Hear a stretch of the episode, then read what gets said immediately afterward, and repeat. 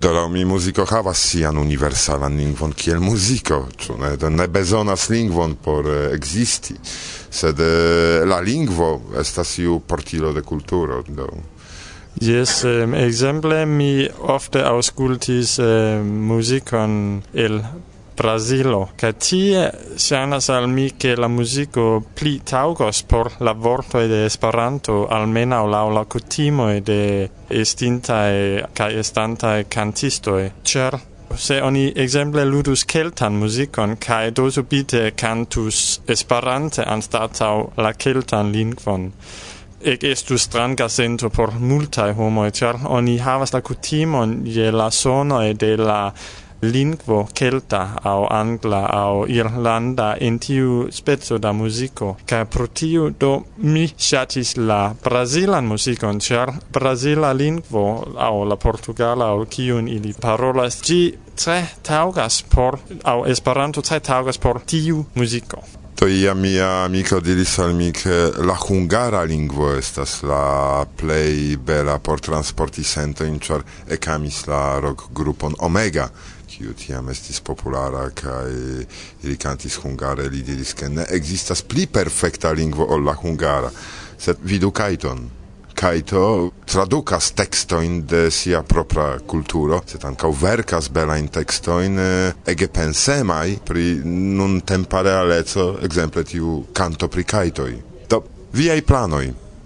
Daŭrigi muzikumi laŭ mia emo muzikumi Do mi mia plano estas kultivi tiun emon kaj mi pensas ke mi povas tion. Do mi loĝas en la sama urbo kiel eh, Fulmo. Ni jam parolis pri tio ke ni renkontiĝu pli ofte kaj ni ludu, ni pli boniĝu kai ni serĉu diversajn stilojn kaj kreu nian propran stilon el tio. Yes, do tio estas provizora plano almenaŭ. Hirau ni rencontis virinon, kiu fakte eh, ludas la fluton, kai ankau eh, la sama eh, spezzo da musico, kiel ni, la popola musico. Si demandis ĉu ĉu estas bona ideo se mi kun ludas kun vi kai verŝajne jes ni devas provi tion Kai eble la grupo iam grandiĝas eh, baldaŭ. Yes, kai si logias tre proxime de Matias kai Fulmo, do estus eblezzo. Mi nun tempe ne logias tiel proxime, do mi ne stias ĉu mi povas tiel praktiki kun ili, sed almenaŭ mi povas um, kelkfoje veni Copenhagen por praktiki kun ili, kai estus tre interese ludi kun ŝi ankaŭ.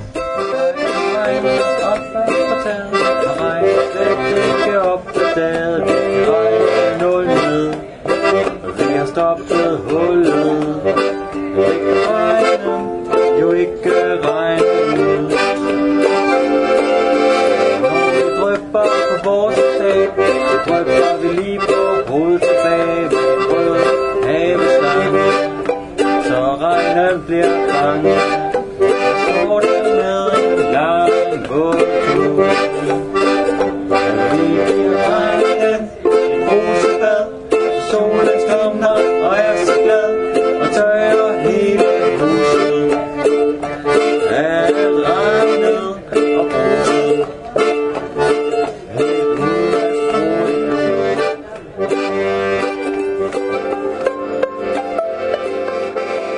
ancora mi ne demandis, ĉu eh, tiu muzikumado estas via hobio aŭ vi fakte studis.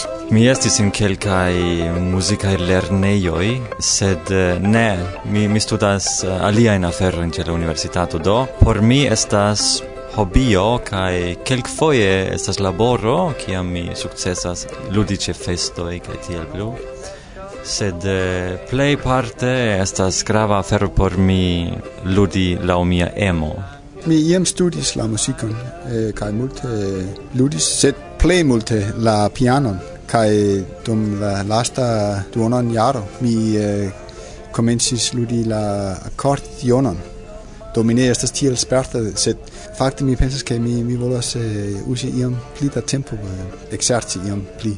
Mi kai Anka Mathias fakte studis en uh, lernejo de Rudolf Steiner, au Waldorf lernejo estas fakte tiaj lernejoj en la tuta mondo, do en multaj landoj, do povas esti ke eĉ homoj en Brazilo studis en tia lernejo, kaj temas pri Rudolf Steiner.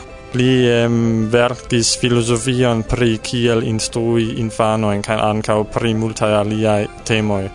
Do inter alia oni lernas eh, muzikumi de la unua classo en tia lernejo kaj i lernas eh, ludi violonon dum la studtempo kiu estas de du jara. Kaj tiel comencigis kai do poste mi provis tu mi povas eniri eh, kutiman eh, conservatorion por musico. Mi ne successis pro eh, doloro je mia maldestra sulto. Do pro violon violonludado dum multaj e mia colo ŝajne kreskis eh, tro multe, do mi eh, tenis la violonon pli kaj pli firme kaj nun mi ne pli povas gin usi eh, por nua dek eh, sen dolorigi min mem. Do mi nun changis instrumenton kaj ludas mandolinon anstataŭ, ĉar ili havas saman akordon.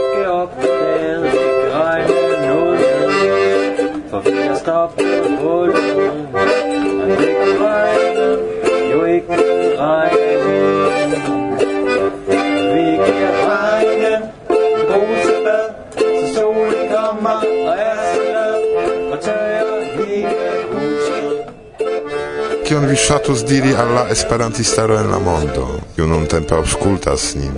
Do, mi ne konas la esperantistaron en la tuta mondo, sed uh, mi scias ke ili parolas la saman lingvon kiel mi nun, ĉu ne?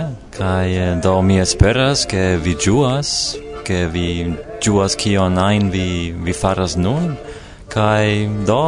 Eble ni renkontiĝos estonte, kaj eh, bonan al vi!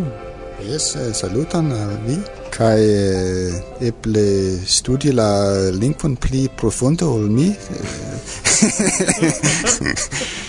Do ni uh, iam ein ni povas verŝajne paroli kune en la estonteco. Yes, uh, eh, ni shatas ludi melodiojn de la tuta mondo, kaj eble vi povus helpi nin. Ni sufiĉe bone legas in notojn kun e prefere, kaj se vi konas tre okulfrapan melodion, bonvolus sendi gin al um, logiko ĉe gomailo.com, ĉar tiel ni povus eh, uh, usi eble la melodion estonte havu bonan vivon tie kie vi estas en la mondo kaj um, se vi havas kantojn tradukitajn ankaŭ sendus ilin al ni Do eksterordinare ni havas ĉi tie muzon, muzon de la grupo, ĉar ŝi ne ludas, ne parolas, se tamen povas prezentiĝi. Mi estas Ana kaj eh, mi estas la kora amikino de Jonas. Do salutoj. Do mi, se vi estas tie, mia amico, kiu ein vi estas, saluton al vi. Eh, mi se vi ne spertas, ke vi fakte mia amico e parolas la esperanta, kai ne diris al mi, kai eh, aŭdas tian programon, do saluton, eh, vi certe surprisis eh, min. Saluton al ciui e de la tuta mondo, do mi certas amicigi con vi.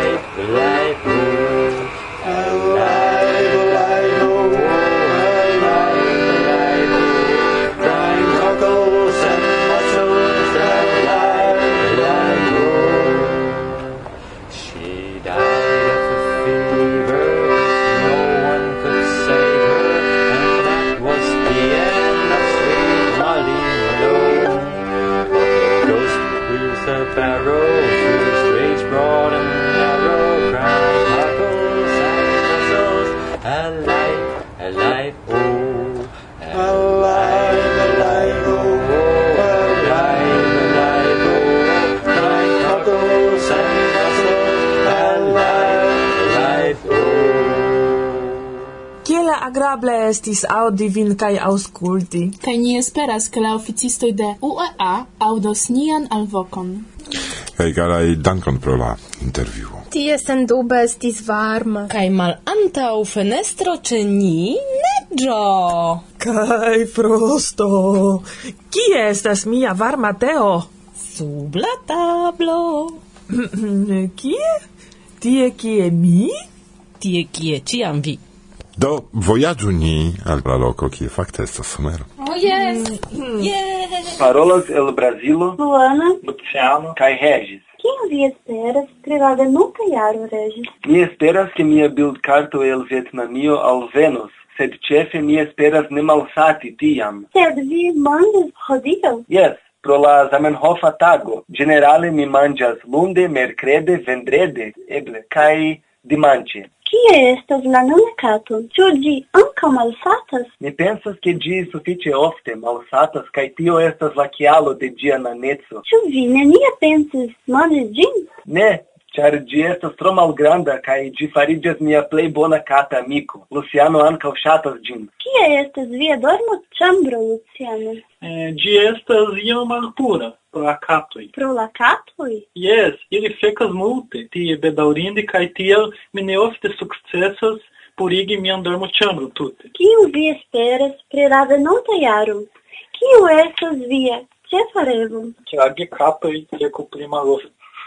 Tion mi esperas pri la venonta jaro, se la mondo ne finiĝos en la dudek unua de decembro, kaj vi.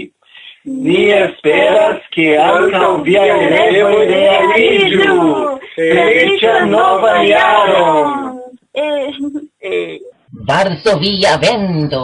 Bla, bla, bla, bla, bla.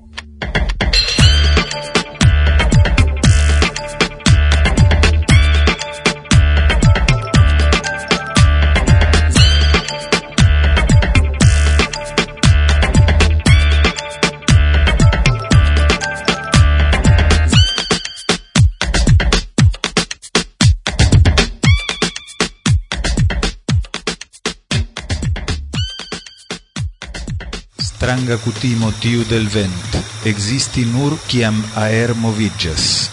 Eble pro impulso del vent Varsovia bonaera vent vecigas.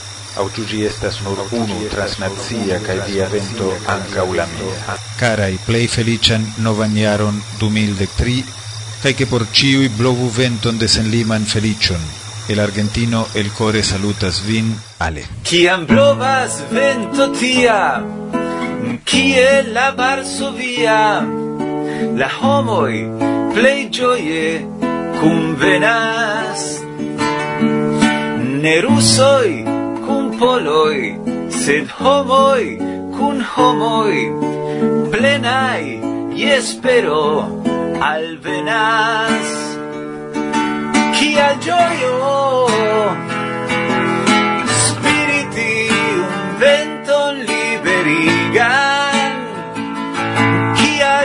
dio Char blovas vento la vento Varsovia Varsovia vento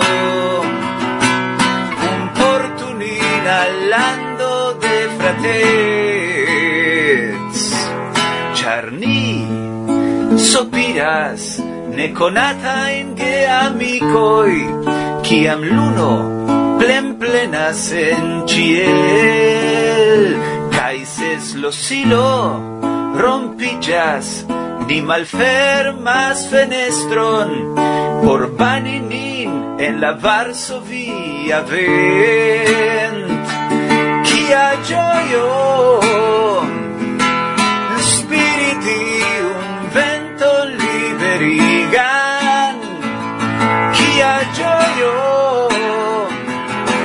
char blovas nun la vento Varsovia Varsovia vento. Comportu nin al lando de frater Varsovia vento. Comportu nin al lando de frater Salutojn al Jeremy. Salutojn al Pauline kai Luis kai Bajev. Saluton al Karina. oh. Dankon. Jo, ni devas sin brakumi. Ni devas mem salutinda. Mm. Neniu min salutas. Mi sendos al si. Certe Glavkos nin aŭskultas nuntempe, do salutojn al Glavkos kaj al Marko. Salutojn al ciuj en la mondo. En la mondo iras, en la mondo iras, en la mondo iras, en la mondo. Oh, oh. Kai estu certai ke nova jaro venos. Danko de karate amo el eh, la Brasila urbo Francisco Bertrand. Kaj al vi, ale, pro belaj bondeziroj, kaj kompreneble la kanto pri Varsovia vento. Kaj specialaj bondeziroj al ciuj tiuj kiuj povos ĝui kristnaskon kaj novjaron en somera etoso. Simple ni ĵaluzas. Kompreneble.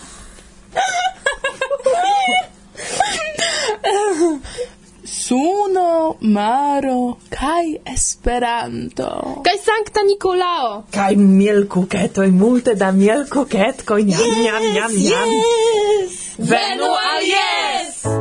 Finidis champagne, kai la pirotecnica.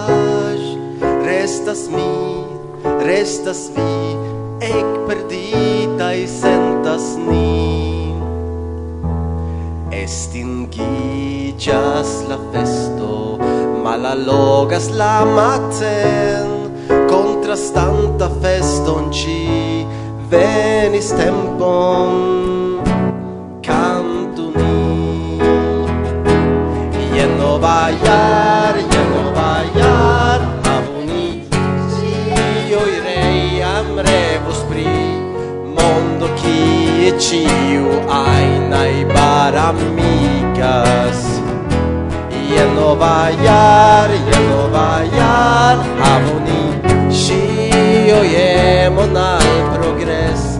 Se ene garanti igas mal succes. Dum yes, dum yes Shainas min nun pasintai revo jam kiel confet sur la plank ni forlasis ciu kun mank Yes, ja homoi stultulas metas capon en la sabl kaj daurigas iom pli. Lau la sama melodi cio kaze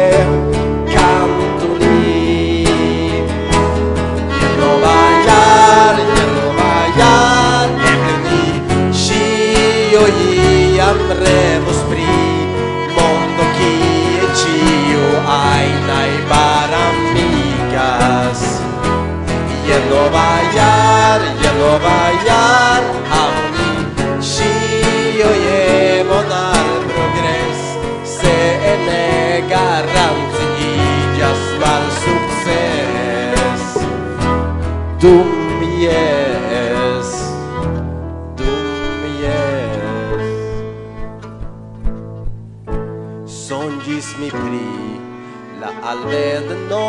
mond baldaŭ nun prosperos ci en la cinte tion ci.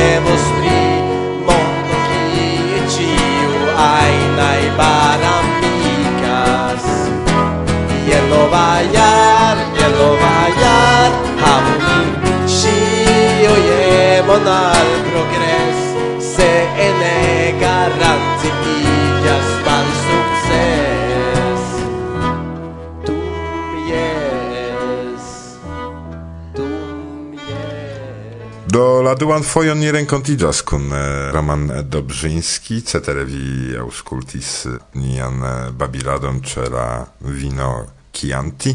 Saluton, Roman. Saluton. Vi rakontis al mi, mi venis pri interesa aventuro, ĉar vi trovis spurojn de Zamenhofen Pollando en Szczawnozdrój, kurac loko, konata por la poloj, nevere konata en la mondo, do ĉu Zamenhof bezonis iun kurac terapion? Zamenhof, tio oni scias, suferis pri arterio sklerozo, kai fakte li mortis pro tio sufiĉe juna, kiam mi audas la kanzonon de Bardo sen barbo, mi kore dankas vin maljuna kuracisto, mi miras, ĉar Zamenhof neniam estis maljuna. Zamenhof mortis kiel kvindekok jara homo do laŭ la nuna vidpunkto li estis ankoraŭ sufiĉe juna. Sed efektive li vizitis Ŝafnozroj, kiam ĝia nomo estis Bad Salzbrunn.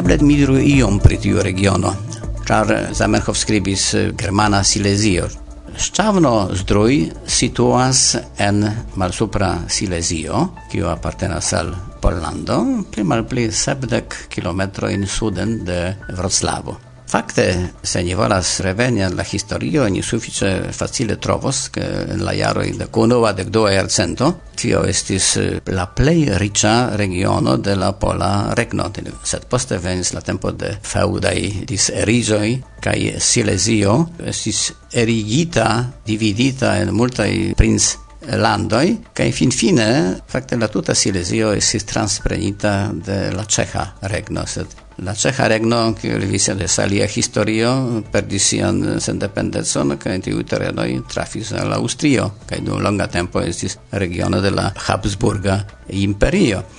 Sed la feron solvis prusoi qui en la decoca ercento simple conqueris per milite tiun regionon kaj ekde tiam ekde de la dekoka jarcento simple ankaŭ Ŝtavnozdruj kiu nomiĝis Bad Salzburg tiam kompreneble fariĝis parto de Germanio kaj tiel Zamenhof veturis al Germanio.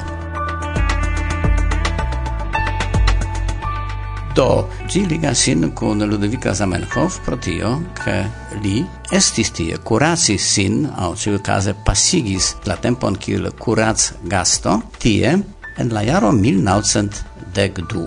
De kio oni scias, ke eh, Zamenhof estis en Ŝavnozdruj, kiu tia nomiĝis Bald Salzbrunn. Fakte unu sola fonto estas liaj leteroj.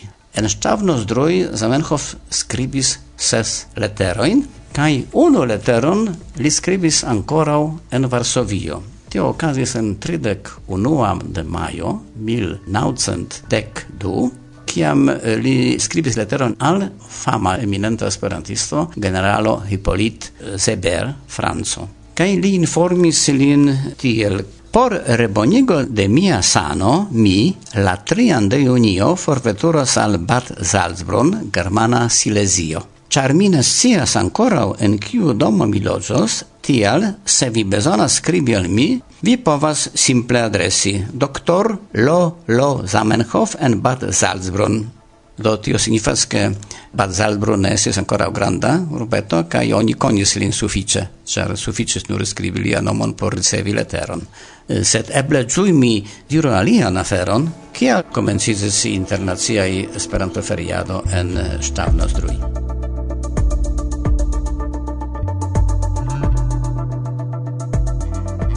Tion oni dankas al Silesia Esperanto Asocio, kiu antaŭe estis filio de Pola Esperanto Asocio, kaj tiu filio ekde la jaro 1965 organizis internacian feriadon. Estas unu el la plej malnovaj aranĝoj en la historio de Esperanto. Kaj dum tridek jaroj ĝi okazis ĉiam en la urbeto Mienzigurze kaj estis trege populara.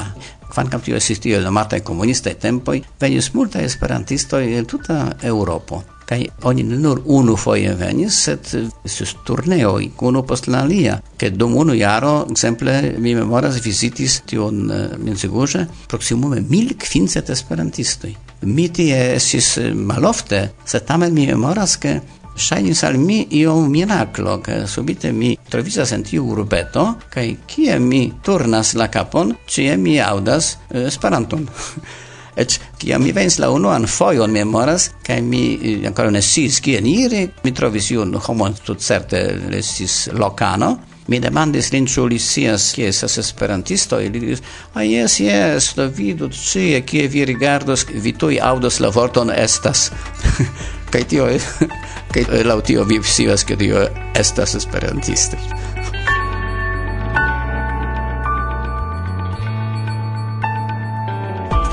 mi ne diris al vi ankoraŭ kia maniere internacia Esperanto feriado estis translokigita al Ŝavnozdruj. char en Minzigurze oni logis en grandega domo kiu nomiĝis Giganto. Ĝi estis vera giganto, sed estis la plej granda ligna konstruaĵo en Pollando. Sed tamen ĝi komenciĝis tute ruiniĝi kaj oni ne havis sufiĉe monon por ĝin savi, kaj tiam esperantisto devis ĝin forlasi, kaj oni serĉis diversaj lokojn, dum kelka tempo ili estis en Kudovo, Kudova Zdruj, kaj Poste mi venis foje ĝuste al Kudova-Zdruj kaj la prezidentino de Silezia Esperanto Asocio Teresa Pomorska kion fari demandis min, ĉu ne diris, oh, do ni prenu automobilon, mi estis kun automobilo, ni iru kaj mi proponas al vi, ke ni translokigu la tutan aranĝon al unu el du urboj aŭ eble al ambaŭ en kiu iam estis Ludovico Zamenhof. Do ni iris unue al Dusnikis Drui. Dusnikis Drui eh, en la germana tempo nomis Bad Reinerz. Kaj en Dusnikis Drui Zamenhof esi du foje. En la jaro 1906 kaj en la jaro 1909. Sed ancau li estis en eh, Stavno Zdrui. Kaj ne veturis al Stavno Zdrui, kaj tie ni trovis du zeoin. Zamenhof Esperanto objektoj, se vi ne komprenas kio signifas zeo. Vagnes, kvin mil shainas al mi nun estas en la mondo. Do unu tiu zeo troviĝas en la miru palazzo de naturterapio, tre bella classica palaceto, kai sur ĝi troviĝas sufiĉe granda tabulo, kai en la tabulo estas multai nomoi de eminentai gastoi. Kai inter tiu eminentai gasto je la fino Charzo, estas juste Ludovico Zamenhof, kreinto de Esperanto en la pola lingvo, kaj apude estas jaro de lia vizito, estis 1901. Sed proksime en la lia loko de la sama kuracejo ni vidis grandegan ŝtonon. Tion montris al ni fakte loka esperantistino Elżbieta Stankowska. Kaj en tiu ŝtono en la parko estas ankaŭ du tabuloj, unu en la pola lingva kaj alia en Esperanto, kun la sama enhavo, sed estas alia dato. Do oni diras, ke ĉi tie pasigis sian kuracadon Ludovico Zamenhof en la jaro 1902. Tio signifis, ke Zamenhof estis dufoje en Bad Salzbrunn.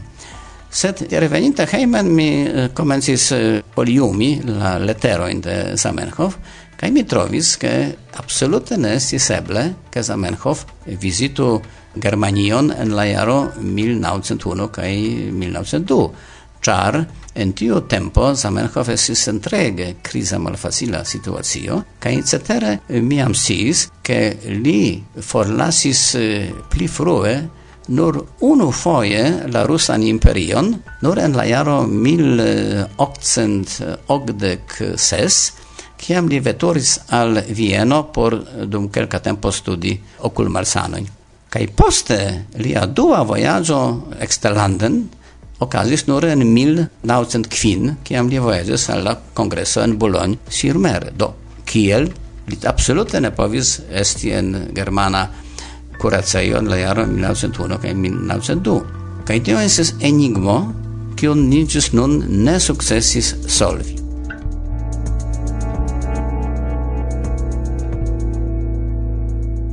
du höher nu Radiostationen Varsovia Vento.